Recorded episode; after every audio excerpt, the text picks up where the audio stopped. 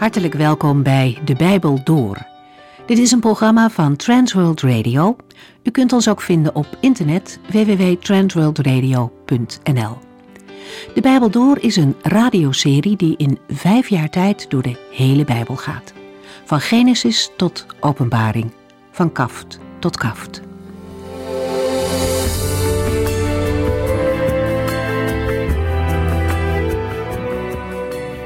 Vandaag kunt u verder luisteren naar hoofdstuk 2 uit de Filippenzenbrief. Na een indrukwekkend gedeelte over de inzet van de Heer Jezus, over zijn lijden en over zijn verhoging, begint Paulus het volgende stuk van zijn brief met daarom. Dat geeft de reden aan. Om alles wat Christus gedaan heeft, is het nu aan zijn volgelingen om zich op hun beurt volledig in te zetten voor hem. Christus gaf de hemelse heerlijkheid op om voor ons te sterven, en hij krijgt van God de Vader de hoogste plaats. En om die reden kunnen wij niet achterblijven. De Heer Jezus heeft ons een voorbeeld gegeven om na te volgen. Een van de eerste dingen die we dan kunnen denken is dat het te veel gevraagd is, dat het te moeilijk is voor ons. Maar we staan er toch niet alleen voor? Onze hulp komt van God zelf. Paulus zegt het er meteen achteraan in vers 13. God is onder u aan het werk. Hij zorgt ervoor dat u hem graag wilt gehoorzamen en dat u ook doet wat hij van u vraagt. Zo bereikt hij zijn doel. Gods geest werkt dus in ons. Hij helpt ons bij het uitwerken, maar hij begint zelfs nog een stap eerder. Hij zorgt er ook voor dat we graag willen doen wat God vraagt. Gods geest verandert zowel ons willen als ons werken. Paulus noemt vervolgens een heel praktisch punt. Doe wat je moet doen zonder te mopperen. Dat is een van de manieren om het licht van Christus te laten zien. De wereld zonder God is donker. En elke christen daarin is een licht. En elk licht, hoe klein ook, verdrijft de duisternis. Hoe donkerder het is, des te meer wordt het licht zichtbaar. Laten we het licht dat in ons is niet verstoppen. In de bergreden zegt de Heer Jezus al dat een lamp bedoeld is om te schijnen en niet om onder het bed te zetten of onder de korenmaat. Dat zijn twee voorbeelden waardoor het licht niet goed zichtbaar wordt. Geestelijke slaap of juist het vele werk kunnen de lamp verstoppen. De bedoeling is echter dat het licht zichtbaar is om ons heen. En zo mogen we ieder op onze eigen plaats Gods licht laten schijnen. We lezen nu verder in Filippenzen 2 vanaf vers 25.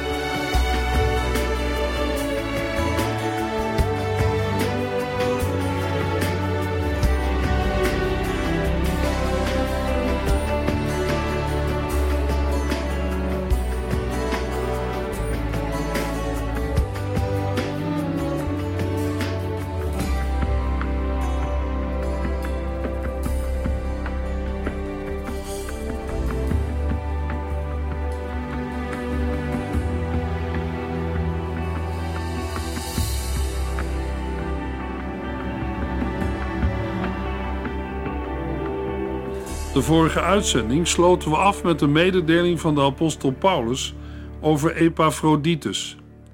In vers 25 schreef de apostel: Al met al leek het mij het beste Epaphroditus naar u terug te sturen. Ik vond het heel fijn dat hij namens u bij mij kwam om mij in mijn nood bij te staan. Hij en ik zijn echte broeders geworden. We hebben zij aan zij gewerkt en gestreden. Epaphroditus had de financiële gift van de gemeente van Filippi overgebracht naar Paulus. Aan het eind van de brief in Filippenzen 4 vers 18 tot en met 20 schrijft de apostel: Ik heb de hele gift ontvangen en heb momenteel meer dan voldoende. Voorlopig kom ik niets tekort, nu Epaphroditus mij uw gave heeft overhandigd. Ze zijn een heerlijk geurend offer, aangenaam voor God. Mijn God zal uit zijn rijkdom in Christus Jezus u alles geven wat u nodig hebt. Alle eer is voor God, onze Vader, voor altijd en eeuwig. Amen. Epaphroditus was een medewerker en medestrijder in Christus. Broeders die schouder aan schouder in de dienst van God staan en strijden. Paulus spreekt uit dat hij het fijn vond dat Epaphroditus hem bijstond en hem namens de gemeente in de gevangenis heeft opgezocht. De apostel schrijft in Filippenzen 2, vers 25: Ik vond het heel fijn dat hij namens u bij mij kwam, om mij in mijn nood bij te staan. Epaphroditus was een afgevaardigde van de gemeente van Filippi. Naar de betekenis van het Griekse woord voor afgevaardigde was hij een gezondene, een apostel van Filippi. Zijn hulp was in Paulus' ogen een priesterlijke dienst. Hij en ik zijn echte broeders geworden. In Filippenzen 2, vers 26 had de apostel geschreven: Nu stuur ik hem weer naar huis, want hij verlangt erg naar u allen. Hij maakt zich ongerust, omdat u hebt gehoord dat hij ziek was. Paulus is getroffen door het meeleven van de Filippenzen met Epaphroditus. Het is een bewijs van de goede relatie tussen de gemeente van Filippi met de stichter en voorganger Paulus, als ook met Epaphroditus. De duivel probeert steeds onvrede en onrust tussen een voorganger en zijn gemeente te stoken, waardoor er verdeeldheid kan ontstaan. Filippenzen 2, vers 27. Hij is inderdaad erg ziek geweest. Het scheelde niet veel of hij was gestorven, maar God heeft hem gespaard en mij daarmee een groot verdriet bespaard. Ziek zijn kan in algemene zin slaan op zowel lichamelijk als geestelijk lijden. Maar vanwege het genoemde doodsgevaar moeten we in vers 27 toch aan een lichamelijke ziekte denken. Paulus schrijft alleen dat Epaphroditus dicht bij de dood is gekomen. Het scheelde niet veel of hij was gestorven. Wat de aard van de ziekte was, wordt niet gezegd. Filippenzen 2 vers 30 suggereert met de woorden, want hij heeft voor het werk van Christus de dood voor ogen gezien. Hij heeft zijn leven op het spel gezet om mij de hulp te bieden die u niet kon geven. Het werk voor Christus zijn waarschijnlijk de inspanningen van de reis naar Paulus. Het zou de oorzaak van een ziekte kunnen zijn. Ook maakt Paulus geen melding van een gebed om genezing voor Epaphroditus, maar dit zal ongetwijfeld gebeurd zijn. Naast alle moeite en leed van de gevangenschap zou het sterven van zijn medewerker Epaphroditus voor Paulus een zware klap geweest zijn. Het sterven van een medewerker blijkt ook voor een apostel een zaak van verdriet te zijn. De dood is en blijft een vijand. Ook al hebben de gelovigen de zekerheid dat ze bij het sterven niet van Christus gescheiden worden. Daarom spreekt Paulus uit, maar God heeft hem gespaard en mij daarmee een groot verdriet bespaard. De genezing van Epaphroditus is voor Paulus een blijk van de ontferming van de Here. Paulus die zich sterk aan Epaphroditus verbonden weet, leed onder zijn ziekte. Ook al is de brief van de Filippenzen een zonnige brief, ook over verdriet vinden we een aantal mededelingen. De dood van Epaphroditus zou een grote klap voor Paulus zijn geweest, maar de Heere heeft de apostel ervoor gespaard. Filippenzen 2 vers 28 Ook daarom heb ik hem opgedragen zo snel mogelijk naar u toe te gaan, want ik weet hoe blij u zult zijn als u hem weer ziet, en ik zal niet langer in zorgen zitten. Paulus hoopt dat de Filippenzen blij zullen zijn als ze Epaphroditus terugzien. De woorden zo snel mogelijk kunnen erop wijzen dat Epaphroditus in eerste instantie langer bij Paulus wilde blijven om hem te dienen. Een andere mogelijkheid is dat Paulus Epaphroditus zo snel mogelijk stuurt, omdat de hele gemeente zich om hem zorgen maakt. Als Epaphroditus in Filippi zal zijn aangekomen, is hij gelijk in de gelegenheid zich in te spannen voor de eenheid van de gemeente. Hiermee wordt waarschijnlijk verklaard waarom Paulus schrijft dat hij na het vertrek van Epaphroditus naar Filippi niet langer in zorgen zal zitten. Dat wil niet zeggen dat de oproep aan de gelovigen in Filippi om zich te verblijden niet nodig is. Christus is het voorwerp van de blijdschap. Hij bekwaamt ertoe door zijn gemeenschap. Johannes 15, vers 11 zegt Jezus: Ik heb dit gezegd met de bedoeling dat mijn blijdschap in jullie zal zijn. Jullie zullen grote blijdschap ervaren. Dat er constant aan de blijdschap van gelovigen gewerkt moet worden, maken de woorden van Paulus duidelijk in 2 Korintiërs 1, vers 24. Niet dat ik iets over uw geloof te zeggen heb, dat is sterk genoeg. Nee, ik wil met u meewerken aan uw blijdschap. Hoe wil de apostel nu meewerken aan de blijdschap van de gelovigen in Filippi? Door Epaphroditus zo snel mogelijk naar de Filippenzen toe te sturen, want hij weet hoe blij ze zullen zijn als ze hem weer zien. Immers, het was Christus die Epaphroditus deed herstellen. Vandaar dat de gelovigen hem moeten ontvangen in de Here en met grote blijdschap. Wat dat betekent wordt duidelijk in Filippenzen 2 vers 29. Verwelkom hem dus met grote blijdschap, zoals u het de Here zou doen. Mensen als hij moet u in ere houden. Paulus neemt in Filippenzen 2 vers 29 op voorhand de bezwaren weg bij degenen die vonden dat Epaphroditus niet zo snel mocht terugkeren. Ontvang hem, neem hem op of verwelkom hem, zijn allemaal woorden met een gebiedende wijs. Het bevel van de apostel Paulus is een blijvende opdracht. Zoals u het de Heere zou doen, houdt in dat de Filippenzen moeten reageren vanuit hun geloofseenheid met de Heer Jezus. Zij moeten Epaphroditus verwelkomen zoals de Heere dat zou willen. Paulus legt dit verder uit met de woorden met grote blijdschap en door mensen als hij moet u in ere houden. We hebben al eerder aangegeven dat vreugde een centraal thema is in de brief aan de Filippenzen. In Filippenzen 2 vers 18 roept Paulus op om samen met hem blij te zijn in de Here. In Filippenzen 2 vers 29 gaat het om dankbaarheid voor Epaphroditus, die behouden is teruggekeerd. Verder geeft met grote blijdschap ook aan dat verwijten niet op hun plaats zijn. We maken een uitstapje om het Griekse woord gara, wat vreugde of blijdschap betekent, verder uit te diepen. Het woord is afgeleid van een Grieks woord dat blij zijn, zich verheugen of groeten betekent. In het Nieuwe Testament heeft het meestal betrekking op vreugde of blijdschap die samenhangt met het geloof. Zo is er sprake van blijdschap van het geloof in Filippenzen 1 vers 25 en van blijdschap van de Heilige Geest in 1 Thessalonicense 1 vers 6. In Galaten 5 vers 22 lezen we dat blijdschap een onderdeel is van de vrucht van de Heilige Geest. Soms doet een gelovige, als gevolg van blijdschap of vreugde, bepaalde dingen niet. De woorden met blijdschap worden ook wel weergegeven als een hart vol vreugde of blijmoedig. Vaak vinden we een verbinding met vullen of volledig of compleet maken of vervullen.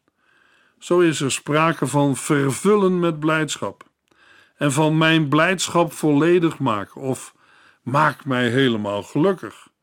Of dat iemand grote blijdschap of vreugde ontvangt. Min of meer overdrachtelijk wordt het woord blijdschap of vreugde op verschillende manieren gebruikt. Zo staat het voor een bron van vreugde, een blijde gebeurtenis. Van mensen kan gezegd worden dat zij de oorzaak van iemands blijdschap zijn. Het woord blijdschap wordt ook gebruikt voor een uiting van vreugde, een feest. Het komt voor naast gejubel, gejuich, luide uitingen van blijdschap, feeststemming en in Jacobus 4 vers 9 naast gelach. In het Nieuwe Testament is meer dan eens sprake van droefheid en nood. Maar toch klinkt ook telkens dat vreugde bij het christelijke leven behoort. De geboorte van Jezus als de zaligmaker is een reden van grote blijdschap. Als vijanden de volgelingen van Jezus haten en uitschelden, mogen die toch vol vreugde zijn, omdat hun loon in de hemel groot is. Jezus onderwijst de relatie met Hem en de Vader om zijn leerlingen deelgenoot te maken van zijn vreugde en zo hun vreugde volkomen te maken.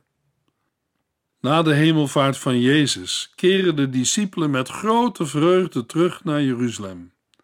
De prediking van het evangelie geeft vreugde bij heidenen in Antiochië die tot geloof komen.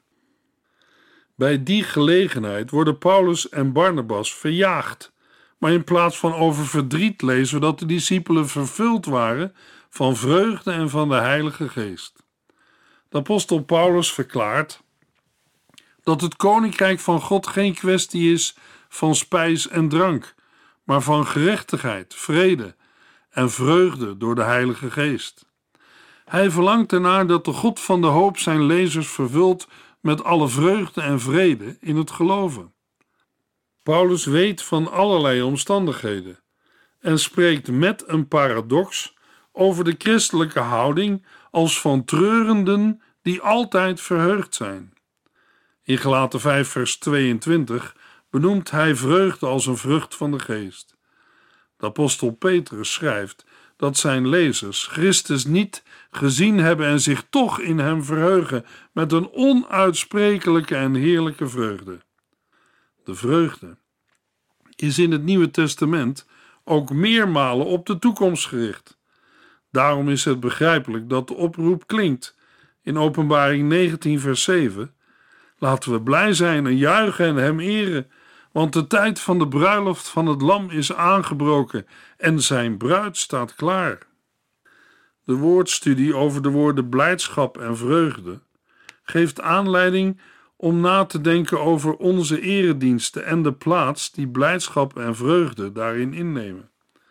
Daarbij gaat het om een innerlijke overtuiging die zich kan uiten op een zichtbare en merkbare wijze. Het gezamenlijke en persoonlijke hoeven daarin geen tegenstelling te vormen, evenmin als orde en spontaniteit. Er hoort zeker plaats te zijn voor verdriet en voor verootmoediging, maar op bepaalde tijden moet de vreugde de overhand hebben. Het is immers het verlangen dat in de psalmen herhaaldelijk klinkt, zoals het gebed in Psalm 43, vers 3 en 4. Stuur uw licht en uw waarheid om mij te begeleiden. Laten zij mij naar uw heiligdom en naar uw woningen brengen. Want dan kan ik weer naar uw altaar gaan, naar u, die de God van mijn vreugde bent. Als we het vreugdekarakter van de oud-testamentische eredienst zouden beschrijven, dan zullen we merken dat deze niet saai was. We krijgen dan juist de indruk dat mannen en vrouwen in lofprijzing hun hoogste doel bereiken. Het brengt tot de vraag of de erediensten in kerken en gemeenten geen dode erediensten zijn, omdat we zo ver zijn afgedwaald van Gods verlangen. In de psalmen klinkt de opdracht: laat de hele aarde voor de Heere jubelen. Laat de hele aarde de Heere met blijdschap dienen. Kom bij hem en zing een loflied. Psalm 100, vers 1 en 2. Het onderwijs van het Nieuwe Testament trekt die lijn door. Het doel van het leven van de gelovigen is immers om God te prijzen als schepper en onderhouder van het leven en om in het bijzonder Hem te loven voor de verlossing door Jezus Christus. We gaan weer terug naar de blijdschap in Filippenzen 2, vers 29, waar Paulus oproept om Epaphroditus met grote blijdschap welkom te heten. Mensen als hij moet u in ere houden. In Filippenzen 2, vers 30 wordt duidelijk gemaakt waarom dit moet. Want hij, Epaphroditus, heeft voor het werk van Christus de dood voor ogen gezien.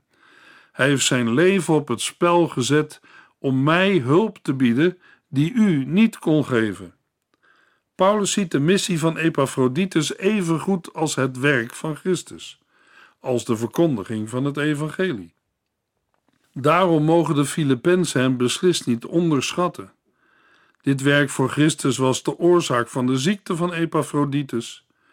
Zoals we al eerder aangaven, moeten wij daarbij mogelijk denken aan de inspanningen en ontberingen van de lange reis. De woorden hij heeft zijn leven op het spel gezet betekenen dat Epaphroditus zijn leven niet geteld heeft. Er bestonden tussen Paulus en de gemeente van Filippi bepaalde financiële afspraken. Om aan deze afspraken te voldoen, had Epaphroditus zich ingezet. Het financiële dienstbetoon van de gemeente van Filippi werd in de versen 17 en 25 een offer en dienst in het koninkrijk van God genoemd. Omdat deze gaven moeten worden gezien als een offer aan de Here. We lezen in Filippenzen 4 vers 18: Ze zijn een heerlijk geurend offer, aangenaam voor God.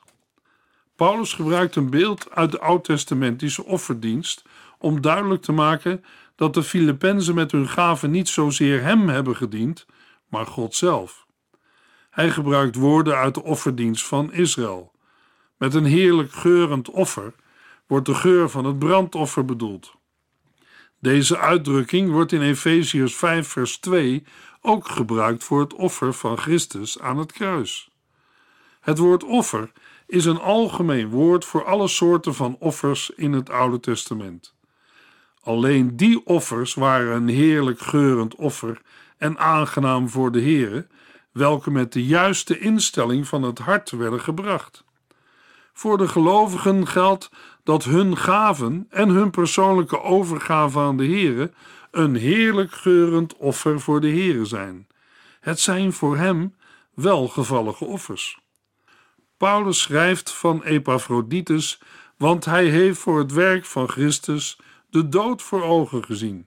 Hij heeft zijn leven op het spel gezet om mij hulp te bieden die u niet kon geven. Dat is de reden om hem welkom te heten met grote blijdschap, zoals u het de Heere zou doen. Hij is een voorbeeld voor de gelovigen. In Hebreeën 13 vers 17 lezen we Gehoorzaam uw voorgangers en doe wat zij zeggen. Het is hun taak over u te waken. Zij zullen voor God verantwoording moeten afleggen over wat ze hebben gedaan. Als u hun gehoorzaamt, zullen zij hun werk met voldoening kunnen doen, zonder veel zorgen en moeite. Maar als u hun niet gehoorzaamt, doet u daarmee uzelf tekort. Leidinggevende, predikanten en voorgangers hebben een duidelijk gezag en verantwoordelijkheid. De gelovige wordt opgedragen hen te gehoorzamen en zich aan hen te onderwerpen. De reden van deze gehoorzaamheid is dat zij van Gods wegen verantwoordelijkheid hebben voor de aan hen toevertrouwde gelovigen en dat zij daarvoor ook door de Here ter verantwoording zullen worden geroepen. Het waken moeten we waarschijnlijk letterlijk en figuurlijk opvatten. Het was gebruikelijk dat gemeenteleiders dikwijls een deel van de nacht waakten en in gebed waren voor hun gemeenteleden. Verder kunnen we denken aan de roeping tot wachter, iemand die van Gods wegen moet waarschuwen. Maar we kunnen ook denken aan een algehele waakzaamheid met betrekking tot dwaalleringen, zonden en nalatigheid. De leiders hebben in de eerste plaats verantwoordelijkheid voor het geestelijk welzijn van de gelovigen. Bij de wederkomst van de Heer Jezus zullen zij van hun werk rekenschap afleggen. In Romeinen 14, vers 12 schrijft de apostel aan gelovigen: Wij zullen ons persoonlijk voor God moeten verantwoorden. Ook de apostel Petrus bevestigt deze woorden in 1 Petrus 4, vers 5. Maar zij zullen zich moeten verantwoorden voor de grote rechter die over levenden en de doden oordeelt. Het is de bedoeling dat de leiders, de voorgangers en predikanten met vreugde een kerk of een gemeente kunnen besturen en niet zuchtend hun weg hoeven te gaan, vanwege de dwarsdrijverij en rebellie van sommige gelovigen. Filippenzen 3, vers 1. Maar wat er ook gebeurt, broeders en zusters, wees blij in de Here. Ik word niet moe dit telkens weer te zeggen, en voor u is het goed dit keer op keer te horen. Met de woorden, maar wat er ook gebeurt, wees blij in de Here, neemt Paulus de draad en het hoofdthema van de brief weer op. Opnieuw roept de apostel de Filippenzen op om zich te verblijden. Wees blij in de Here, is een bevel. Deze blijdschap moet zijn in de Here Daarmee geeft de apostel Paulus de reden en de richting van de blijdschap aan. Christus verloste de gelovigen en zij kunnen zich verheugen in de geloofsrelatie met Hem. Deze gerichtheid op Christus zal de gelovigen kracht geven in moeilijke omstandigheden.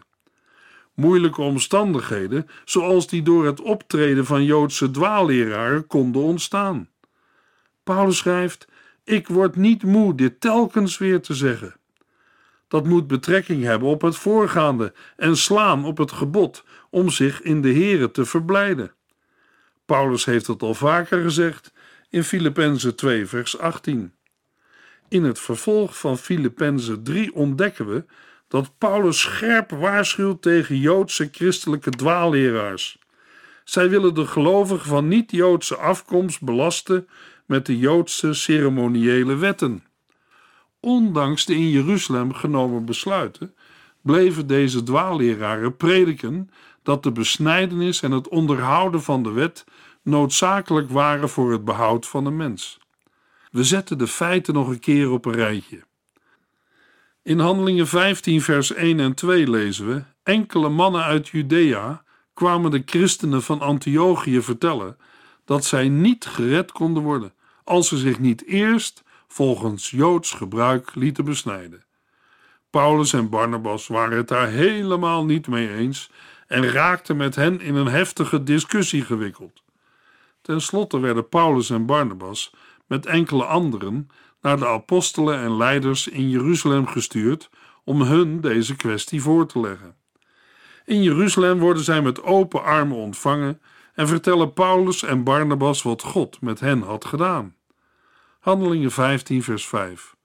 Maar sommige van de Fariseeën, die christen waren geworden, zeiden: Als die mensen christenen willen zijn, moeten zij zich ook laten besnijden en de wetten van Mozes houden. Dan volgt er een speciale vergadering waar de kwestie wordt besproken.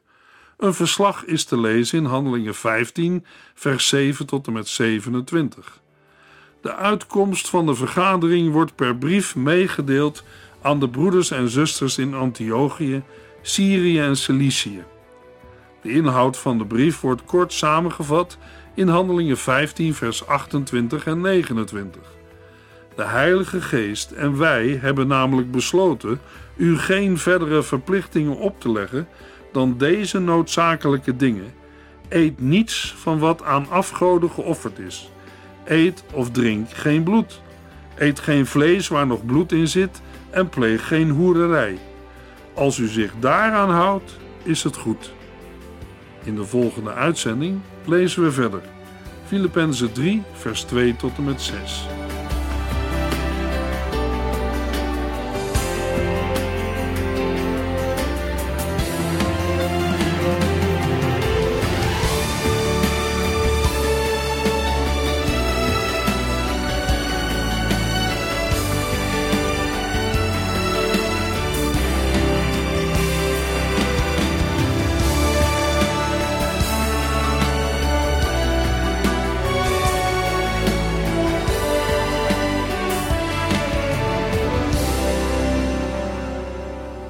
En hier eindigt deze aflevering van De Bijbel Door. Een serie programma's van Transworld Radio. Wilt u ons iets vragen of meer weten? Dan kunt u altijd contact met ons opnemen. Bellen kan overdag met 0342 478432. Per post Transworld Radio. Postbus 371. Postcode 3770. Anton Johannes in Barneveld. En e-mailen kan ook. De Bijbel door at transworldradio.nl En natuurlijk ook via onze website transworldradio.nl Dit programma werd gepresenteerd door Cor Weda en Ike André. En namens iedereen die er nog meer aan meegewerkt heeft, graag tot de volgende keer.